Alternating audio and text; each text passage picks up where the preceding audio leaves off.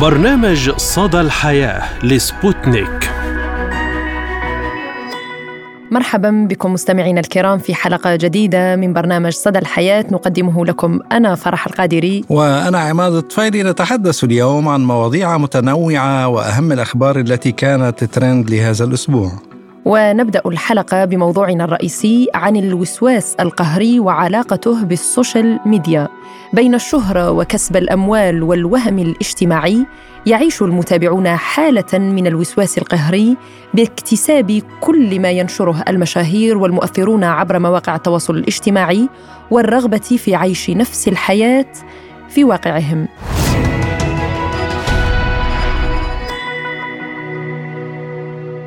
نعيش اليوم في عصر تتصدر فيه مواقع التواصل الاجتماعي وتحتل حيزا كبيرا من اهتماماتنا وبات أي واحد منا معرض للتأثر بما يتم عرضه عبر هذه الصفحات الإلكترونية. من شباب وشابات خاصة فئة المراهقين والبعض الآخر أصبح مهووسا بتفاصيل حياة المشاهير ونجوم التواصل الاجتماعي أو تلك الشخصيات العادية والتي فجأة أصبحت لامعة. وأغلب المشاهير لا يبالون لتنوع ثقافة المتابعين وتباين أعمارهم فلذلك يقدمون محتوى يناسبهم هم ويعرضون حياتهم بأدق تفاصيلها غير مكترثين بمن يتأثر بهم أم لا. في الوقت نفسه يتأثر بعض المتابعين بشكل مباشر وسريع وقد يصل إلى حالات مرضية تدخله في صراع مع نفسه ومبادئه وإمكانياته ومجتمعه. وهنا تكمن الكارثة التي قد يكون سببها نجوم برامج التواصل الاجتماعي والاستخدام غير المسؤول لها. بعض مستخدمي التواصل الاجتماعي يعرضون يومياتهم وتفاصيل رحلاتهم وممتلكاتهم الفارهة وسفراتهم المتعددة والأماكن والمقاهي التي يترددون عليها والمتاجر الغالية التي يشترون منها ملابسهم ويكملون أناقتهم وقد يقومون بذلك مجانا من باب عرض اليوميات أو مدفوعة الأجر. فالبعض قد لا يحب الماركة الفلانية ولا العطر الفلاني ولكنه يروج عنه من أجل الإعلان ويتهافت متابعوه لشرائه أو اقتنائه دون تفكير في ذوقهم أو مدى مناسبته لهم أم لا. وبعضهم قد ينصدم من رداءة المنتج أو أكل المطعم وغيره. والبعض قد يتأثر بسيارة أحد النجوم ويضع على نفسه ديون لا تحصى فقط من أجل التقليد والتباهي بأنه اشترى سيارة هذا النجم الذي قد يكون حصل على السيارة كهدية. البعض يذهب لمطعم فيطلب كل المنيو وقد لا يأكل نصف الكمية فقط لتقليد أحدهم رآه على مواقع التواصل الاجتماعي. أيضا قد يصل الأمر إلى تأثر بعض المتابعين بالمشاهير فيلجؤون لعمليات التجميل والتقليعات الغربية التي يقومون بها فيعرضون أنفسهم وصحتهم للخطر. وحتى أسلوب الكلام وتصنع نبرة الصوت واتباع سلوكيات دخيلة على عاداتنا من الجنسين كلها نتاج لتأثرهم بنجوم التواصل الاجتماعي ومحاولة تقليدهم والمشكلة أن أكثر المتأثرين هم المراهقون ويعتقدون أن حياة هؤلاء النجوم مغرية ومثيرة ويتمنون أن تكون حياتهم مثلهم. وللأسف أن الكثير يجهل أن بعض النجوم يمثلون ويتصنعون ما يظهرونه في التواصل الاجتماعي وحياتهم الطبيعية مختلفة تماما فبعضهم يتبنى افكارا ويروج لمبادئ لا يعتنقها ولا يطبقها في حياته وذلك ليزيد من عدد متابعيه أو ليشتهر وتصدمك افكاره وتصرفاته لو قابلته شخصيا. يبدو يعني زميلي عماد أن ما نعيشه اليوم من ثورة تكنولوجية وكيف أن العالم بات قرية كونية صغيرة كما أشار لها سابقا مارشال ماكلوهان يعود بنا إلى مقولة الرسام الأمريكي أندي وورهول في أواخر الستينات حين تنبأ بظهور وسيط إعلامي يوفر للشخص العادي حلم الشهرة السريع وعبر عن ذلك في إحدى مقابلاته بمقولته الشهيرة أنه في المستقبل سيتمكن الجميع من أن يصبحوا مشهورين شهرة عالمية خلال 15 دقيقة فقط واليوم أصبحت الشهرة يمكن حتى في 15 ثانية عبر تطبيق التيك توك. رقصات غناء أيا يعني أيا كانت ويلجؤون إلى شتى الأساليب من أجل حتى الشهرة. من أجل الشهرة ومن أجل أن يكسبوا المال أيضا. نعم. آه، أيضا هنا أشير زميلي عماد إلى أن الرغبة في الشهرة قد تخفي احباطا أو اضطرابا نفسيا غير مشخص كما تقدم الشهرة وعدا بالهروب من العزلة سواء كان ذلك حقيقيا أو بصورة متخيلة. طبعا هنا أيضا أريد الإشارة مستمعينا الكرام إلى أن الشهرة تضعنا أمام احتمالين أن تكون مشهورا يعني أن تكون مستحقا لذلك لما لديك من الإفادة أو الشخصية النافعة ذات الكاريزما وإما أن تكون ساعيا للشهرة بلا أي رصيد معرفي يضيف إلى متابعيك لا يضيف إلى متابعيك أي شيء. نعم، ففي زمن أصبحت فيه وسائل التواصل الاجتماعي في متناول. الجميع زادت نسبة الأمراض النفسية، الكثير من المتابعين يصيبهم مرض الوسواس القهري بسبب التأثر الشديد بالمشاهير وما يعرضونه على هذه المواقع.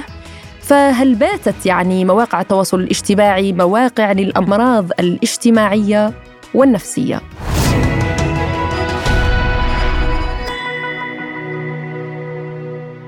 وللحديث ومناقشة هذا الموضوع أكثر نستضيف معنا استشاري الصحة النفسية والتربوية الدكتور وليد هندي. أهلا وسهلا بك دكتور وشكرا لتواجدك اليوم معنا في برنامج صدى الحياة.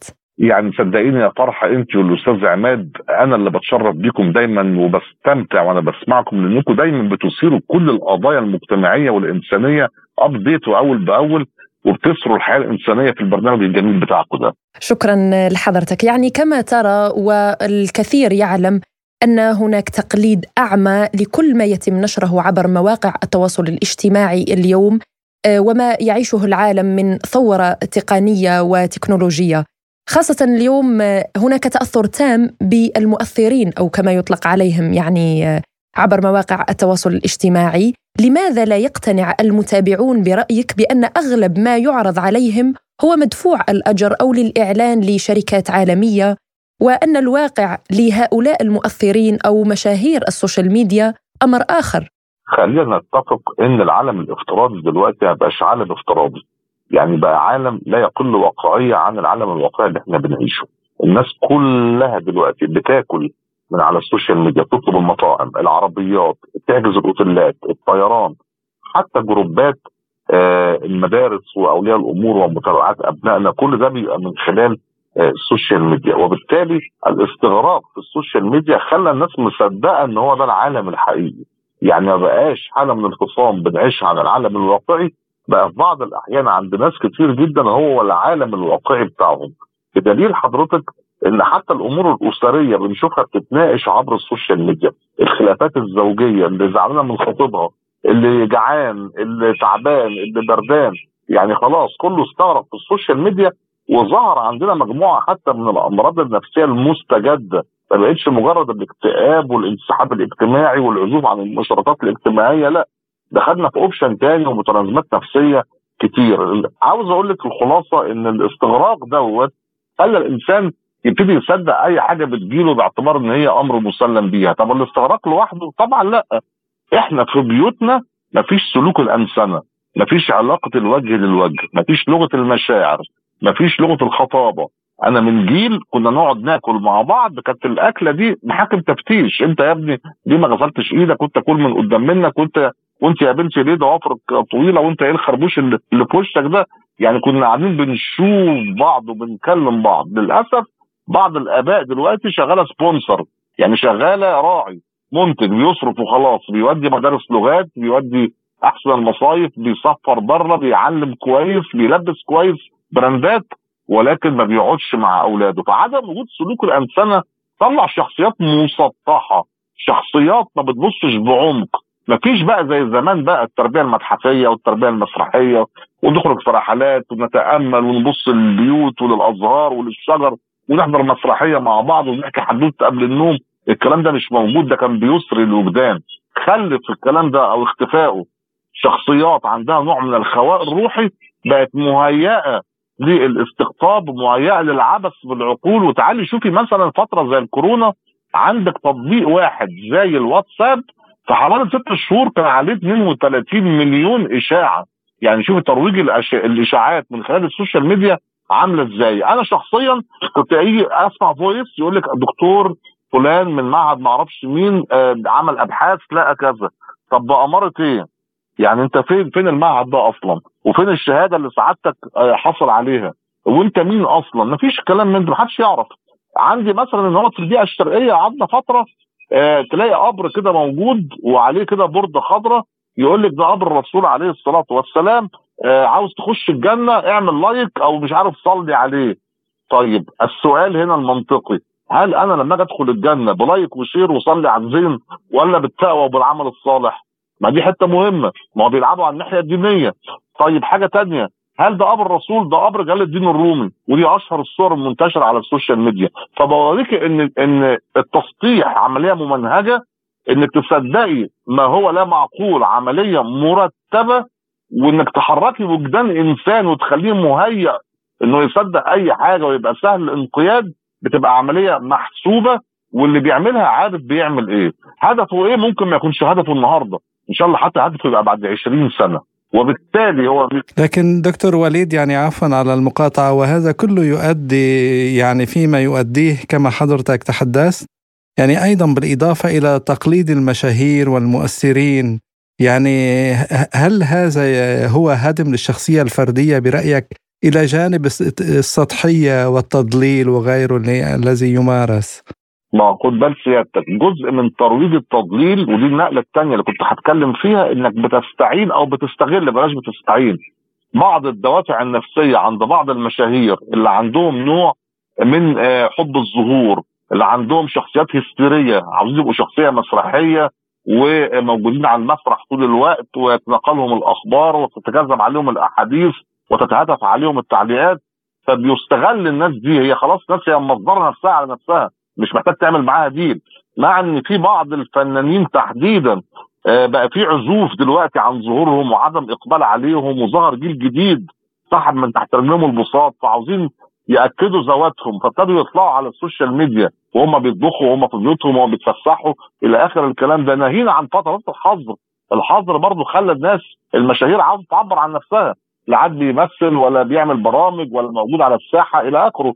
إنما أنا من وجهة نظري الفنان الحقيقي ولاعب الكرة الحقيقي والنجم الحقيقي مش فاضي لحد مش فاضي لل social media هو بيذاكر في ورقته هو طول الوقت قاعد بيشتغل على نفسه طول الوقت قاعد بيتدرب قاعد بيقرأ قاعد بيطور مش فاضي يطلع على ال social media. فأنا بقول حتى لكل اللي بيسمعونا لما تلاقي ناس معتقد إن هي نجوم وكل شوية لك تيك توك وعامله لك فيديو هو شبه لك كانوا نجوم النجم الحقيقي مش فاضي لده. النجم الحقيقي. لكن المصيبة في تقليدهم هنا المصيبة هدم للشخصية يعني. وكما نرى أيضا يعني دور الأسرة اليوم دكتور آه، في مراقبة ما يتم عرضه على هذه الصفحات وهذه خصوصا يعني برامج مثل التيك توك والإنستغرام وغيرها يعني. آه، بات اليوم مخفي. اليوم الأسرة حتى لو مثلا آه، تفرض على أبنائها خصوصا يعني من فئة المراهقين أن لا لا يتابعوا هذه الصفحات. قد يخرجون إلى الشارع مع أصدقائهم ويتابعون الأمر بشكل آه، يعني بسيط جدا. خلينا نتفق إن في المراهقه بطبيعه تكوين المراهق بيبقى عنده مروق على السلطة الوالدية عنده رفيوز أو رفض لأي توجيهات وتعليمات. ومن أكبر الكبائر في العملية التربوية مع المراهقين إنك تقف على منبر وتدي له خطبة. هو مش عاوز ده. فهو في الأساس سيادتك بتبني الشخصية بتاعت ابنك كويس جدا. بتوفري له سلوك إنساني طول الوقت. يعني أنا لو ابني النهارده مثلا مشترك في معسكر في الكشافة بيروح يقعد فيه ثلاث أربع أيام ما عندوش وقت يمسك ال social media. لو بيلعب لعبة فردية زي الكاراتيه أو الجودو أو الجمباز أو السباحة هيجي لي مهدود ما عندوش طاقة إنه يمسك آه الموبايل. لو بعلمه لما نيجي بنزور الجد والجدة احتراما ليهم ولسنهم وما تبقى ليهم من أيام العمر من حقهم يشبعوا مننا. فمفيش حاجة اسمها نمسك موبايلات عيب لازم نقعد نهتم بيهم. مش هيلاقي عنده وقت لل social media. لما أنا أقعد أتكلم معاه يبقى في حوار بيني وبينه مش هيبقى عنده الوقت لل social media. لما نيجي نتغدى ونشغل التلفزيون على عمل درامي زي ما كان بيحصل زمان ونقعد كلنا نتناقش فيه مش هيبقى عنده وقت للسوشيال ميديا. لما أنا ما أكونش قدوة ونموذج سيء قاعد أنا ماسك الموبايل بتاعي وبلعب عليه النهار وبتابع ونهار ما أحب أشرب كوباية شاي ولا أجيب كوباية مية ببعت للمدام على الواتساب أقول لها من فضلك اعملي كوباية شاي وهي في الأوضة اللي جنبي. يعني ده كلام مش مظبوط. يبقى مستني ابني يطلع إيه؟ لما أنا أنا بجبر البيت يعمل فترات صمت. يعني يا جماعة من بعد 10 بالليل خلاص. إحنا كان زمان أهلنا يقولوا لنا اللي داخل البيت يا حاسد يا فاسد. دلوقتي اللي داخل البيت مش بيخش لي من من الباب زي زمان. بيدخل لي من الموبايل. فما ينفعش يبقى حد قاعد غريب موجود. كل دي قيم لازم تبث في نفوس أولادنا. إحنا لو عملنا ده واحتوينا ده كأسرة الولد اوتوماتيك وأولادنا اوتوماتيك هيطلعوا ناس واقعية. يعني أنا بضرب مثل على فكرة لأولادي قلت لهم أنا كان ليا خمسه أصدقاء. كان في واحد قاعد ليل نهار على ال social media وبيتابع ومبسوط وفرحان وواحد تاني بقى يتاجر في كروت الشحن بتاعت الموبايل وواحد ثالث اللي هو أنا رحت عملت دراسات عليا وواحد رابع اهتم بالعمل العام والعمل الاجتماعي. بعد خمس سنين أنا بقيت دكتور. وصديقي اللي كان بيتاجر في كروت الشحن عنده أكبر محل موبايلات في وسط البلد والثالث اللي بيهتم بالعمل عام دلوقتي هو عضو مجلس نواب لأن اشتغل في السياسة والأخونا اللي هو قاعد على ال social media قاعد ماسك الهوا بإيديه. فمهم جدا برضو الناس تشوف النماذج دي وتشوف النماذج اللي اتأثرت بفنانين فحبوا يعملوا محاكاة وتقليد غير رشيد. وتعرضوا لبعض المشاكل القانونية. عندنا في مصر موده الأدهم وحنين وسما المصري ناس اتسجنت بسبب الاستهلاك الغير رشيد والأعمى لل social media وتقليدهم لبعض الناس. وناس ياما دخلوا في جرائم اتجار بالبشر وناس ياما دخلوا في جرائم انتهاك قيم المجتمع وسلوكياته وأعرافه. يعني دي كلها أمور مهمة لازم الناس تعرفها لازم تعرف يعني إيه خصوصية يعني إيه احترام ذات يعني إن ما حدش يلعب بعقلي يعني إن ما حدش يوجهني في حتة مش بتاعتي يعني إن أنا افتقد هويتي. خدي بس سعادتك يا فرح الإنسان فينا بيخوض معارك كتير جدا في حياته. أكبر معركة هتخوضيها المعركة اللي بتفتقدي فيها هويتك. المعركة اللي أنت مش هتبقى فيها أنت. ده بيحصل على ال social media. أهم شيء تقدير الذات. طيب دكتور وليد برأيك ما أسباب هذا الهوس بالتقليد وما علاقة الوسواس القهري بهذه المواقع؟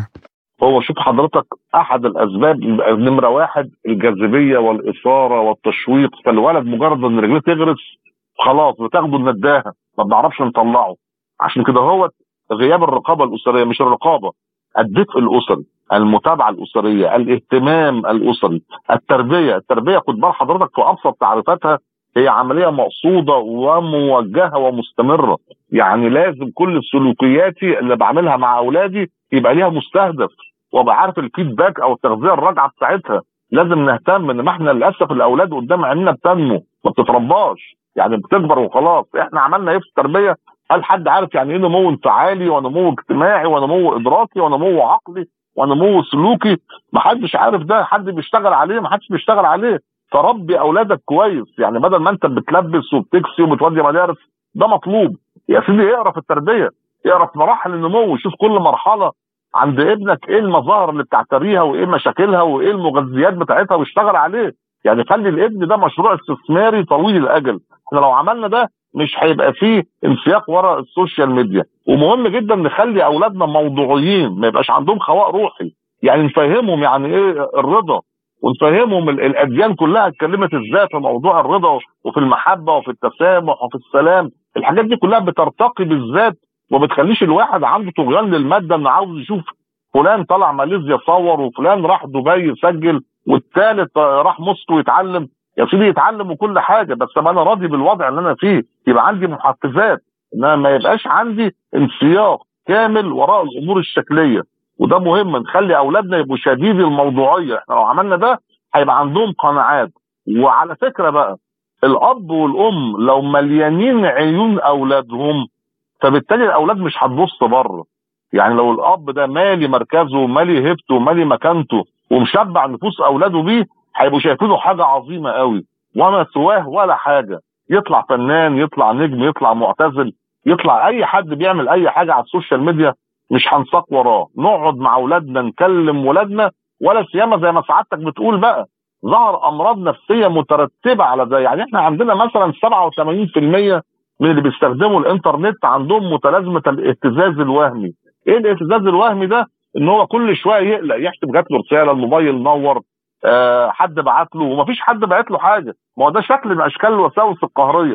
خلاص بقى عندنا آه اضطراب تاني اسمه اضطراب الفومو. اضطراب الفومو ده إن الواحد يبقى فيه واقعة معينة أو نزل حاجة معينة يصحى من أحلاها نومة علشان يقول الناس بتتابعني ولا لأ يتابع عدد اللايكات وال love وكم واحد علق عليه فاضطراب ال FOMO يفتقد إن إن إن حاجة تفوته تعليق حدث اجتماعي آه حاجة على ال social media ما تابعهاش فده بقى اضطراب نفسي ده متعلق بالوسواس القهري. بقى عندك وساوس طول الوقت. كم واحد عمل لي like كم واحد عمل لي share. يا ترى الشويه اللي انت فيهم الحرب اللي في الحتة الفلانية حصل لها إيه؟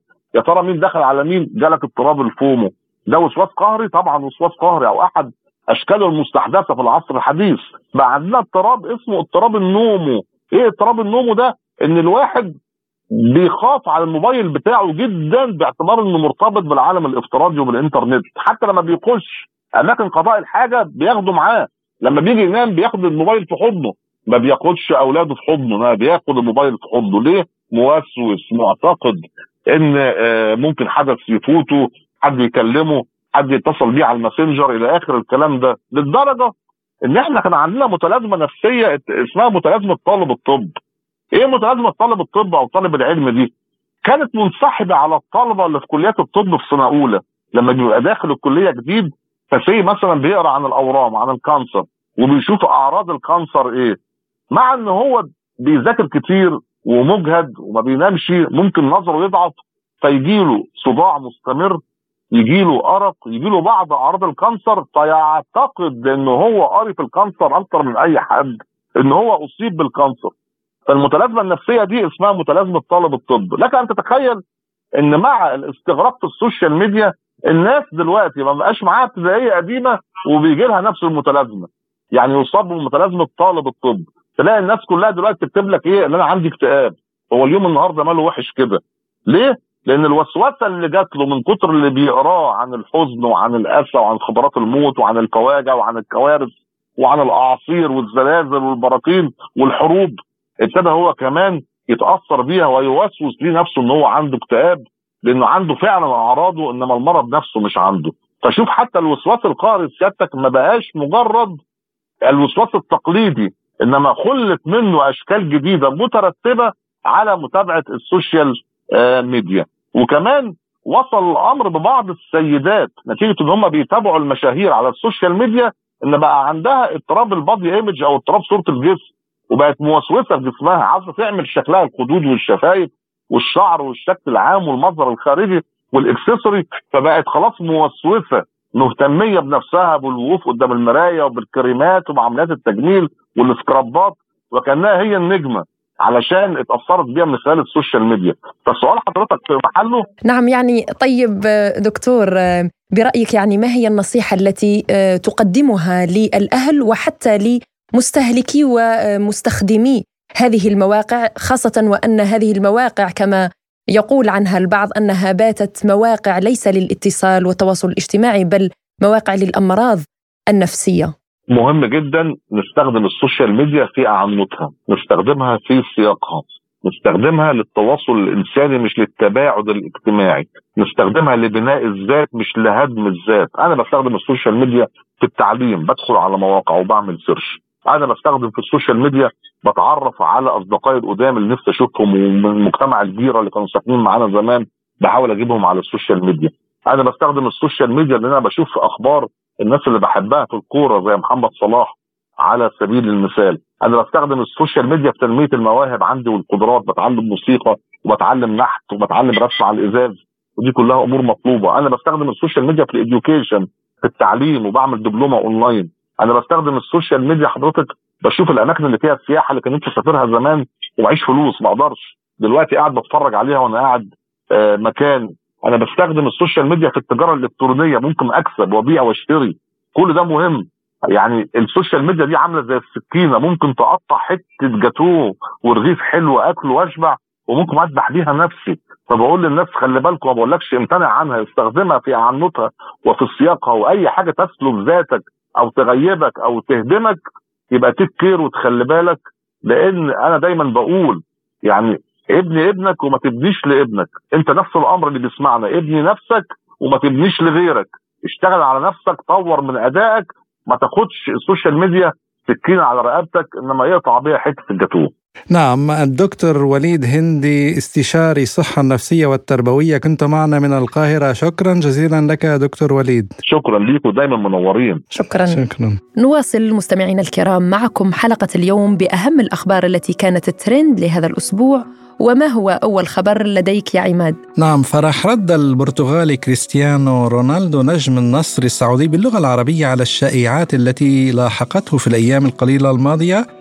ونشر رونالدو صورة له من تدريبات النصر على حسابه في تويتر وكتب عليها باللغة العربية أنا عالمي. وفي وقت سابق كشف تقرير إسباني أن عن أن اللاعب البرتغالي رونالدو يريد مغادرة النصر السعودي في الصيف المقبل والعودة إلى أحد الأندية التي لعب فيها في السابق. وأفادت صحيفة إسبانية بأن كريستيانو لم يتأقلم مع الحياة في السعودية ويريد العودة إلى مدريد المدينة التي وجد فيها الراحة وعاش أجمل لحظات حياته الشخصية والرياضية حيث حقق كثيرا من الألقاب والتقى فيها صديقته جورجينا رودريغيز. ونبقى في الأخبار الرياضية ورحلة ميسي إلى السعودية تشعل أزمة كبيرة. باريس سان جيرمان يوقع عقوبة ضد اللاعب حيث قررت إدارة باريس سان جيرمان الفرنسي توقيع عقوبة على الأرجنتيني ليونيل ميسي مع إيقافه لمدة أسبوعين بأثر فوري. وأفادت صحيفة ليكيب الفرنسية بأن ذلك جاء بعد سفر ميسي إلى السعودية مشيرة إلى أن اللاعب تجاهل رفض مدربه وطلب الإذن من الإدارة العليا للنادي التي سمحت بسفره. واعتبر مسؤولو باريس سان جيرمان أن ما ارتكبه ميسي يعد خطأ فادحا آه، ووصل ليونيل ميسي إلى العاصمة السعودية الرياض هذا الأسبوع في زيارة قصيرة طبقا لاتفاقية وقعها العام الماضي مع وزارة السياحة في المملكة تجعله سفيرا للسياحة في السعودية. من جانبه نشر وزير السياحة السعودي أحمد الخطيب مجموعة من الصور للنجم الأرجنتيني وأسرته وعلق عبر حسابه الرسمي تويتر سعيد بزيارة ميسي وعائلته إلى السعودية للاستمتاع بوجهاتنا السياحية المتنوعة واستكشاف تجارب أصيلة تعكس حفاوة شعبنا وكرمهم ونرحب بالزوار من مختلف دول العالم للاستمتاع برحلة فريدة إلى المملكة. آه، طبعا يعني آه، عماد كما ترى الاستعانة بهؤلاء المشاهير كمثل شخصية آه، ليونيل ليونيل ميسي ورونالدو وغيرهم في الترويج للسياحة الداخلية للمملكة العربية السعودية يعني يعتبر أمر مهم جدا للمملكه في حد ذاتها خصوصا وأنها في مسار تطوير السياحة واستقطاب الكثير بل والملايين من الزوار إلى أرض المملكة. ونختم الحلقة مستمعينا الكرام بالحديث عن اليوم العالمي لحرية الصحافة حيث يحتفل العالم باليوم العالمي لحرية الصحافة من كل عام في الثالث من مايو أيار وهو اليوم الذي اختير لإحياء ذكرى اعتماد إعلان ويند هوك تاريخي خلال اجتماع للصحفيين الإفريقيين الذي نظمته اليونسكو وعقد في ناميبيا في الثالث من أيار مايو 1991 وبهذه المناسبة آه، مبروك لكل الصحفيين في هذا اليوم ونتمنى لهم أن تكون هناك ظروف آه، فعلية لحرية الصحافة والصحة والعافية والإبداع. وأيضا كل عام وكل الصحفيين كما قلت عبر العالم بألف خير ولا ننسى شهداء المهنة لا سيما شهيدة المهنة شيرين أبو عاقلة رحمهم الله تعالى بواسع رحمته. وكانوا أصحاب الكلمة الحرة. إلى هنا نصل وإياكم مستمعينا الكرام إلى ختام حلقة اليوم من برنامج صدى الحياة. كنا معكم أنا فرح القادري. وأنا عماد طفيلي وشكرا لإصغائكم وإلى اللقاء. إلى اللقاء.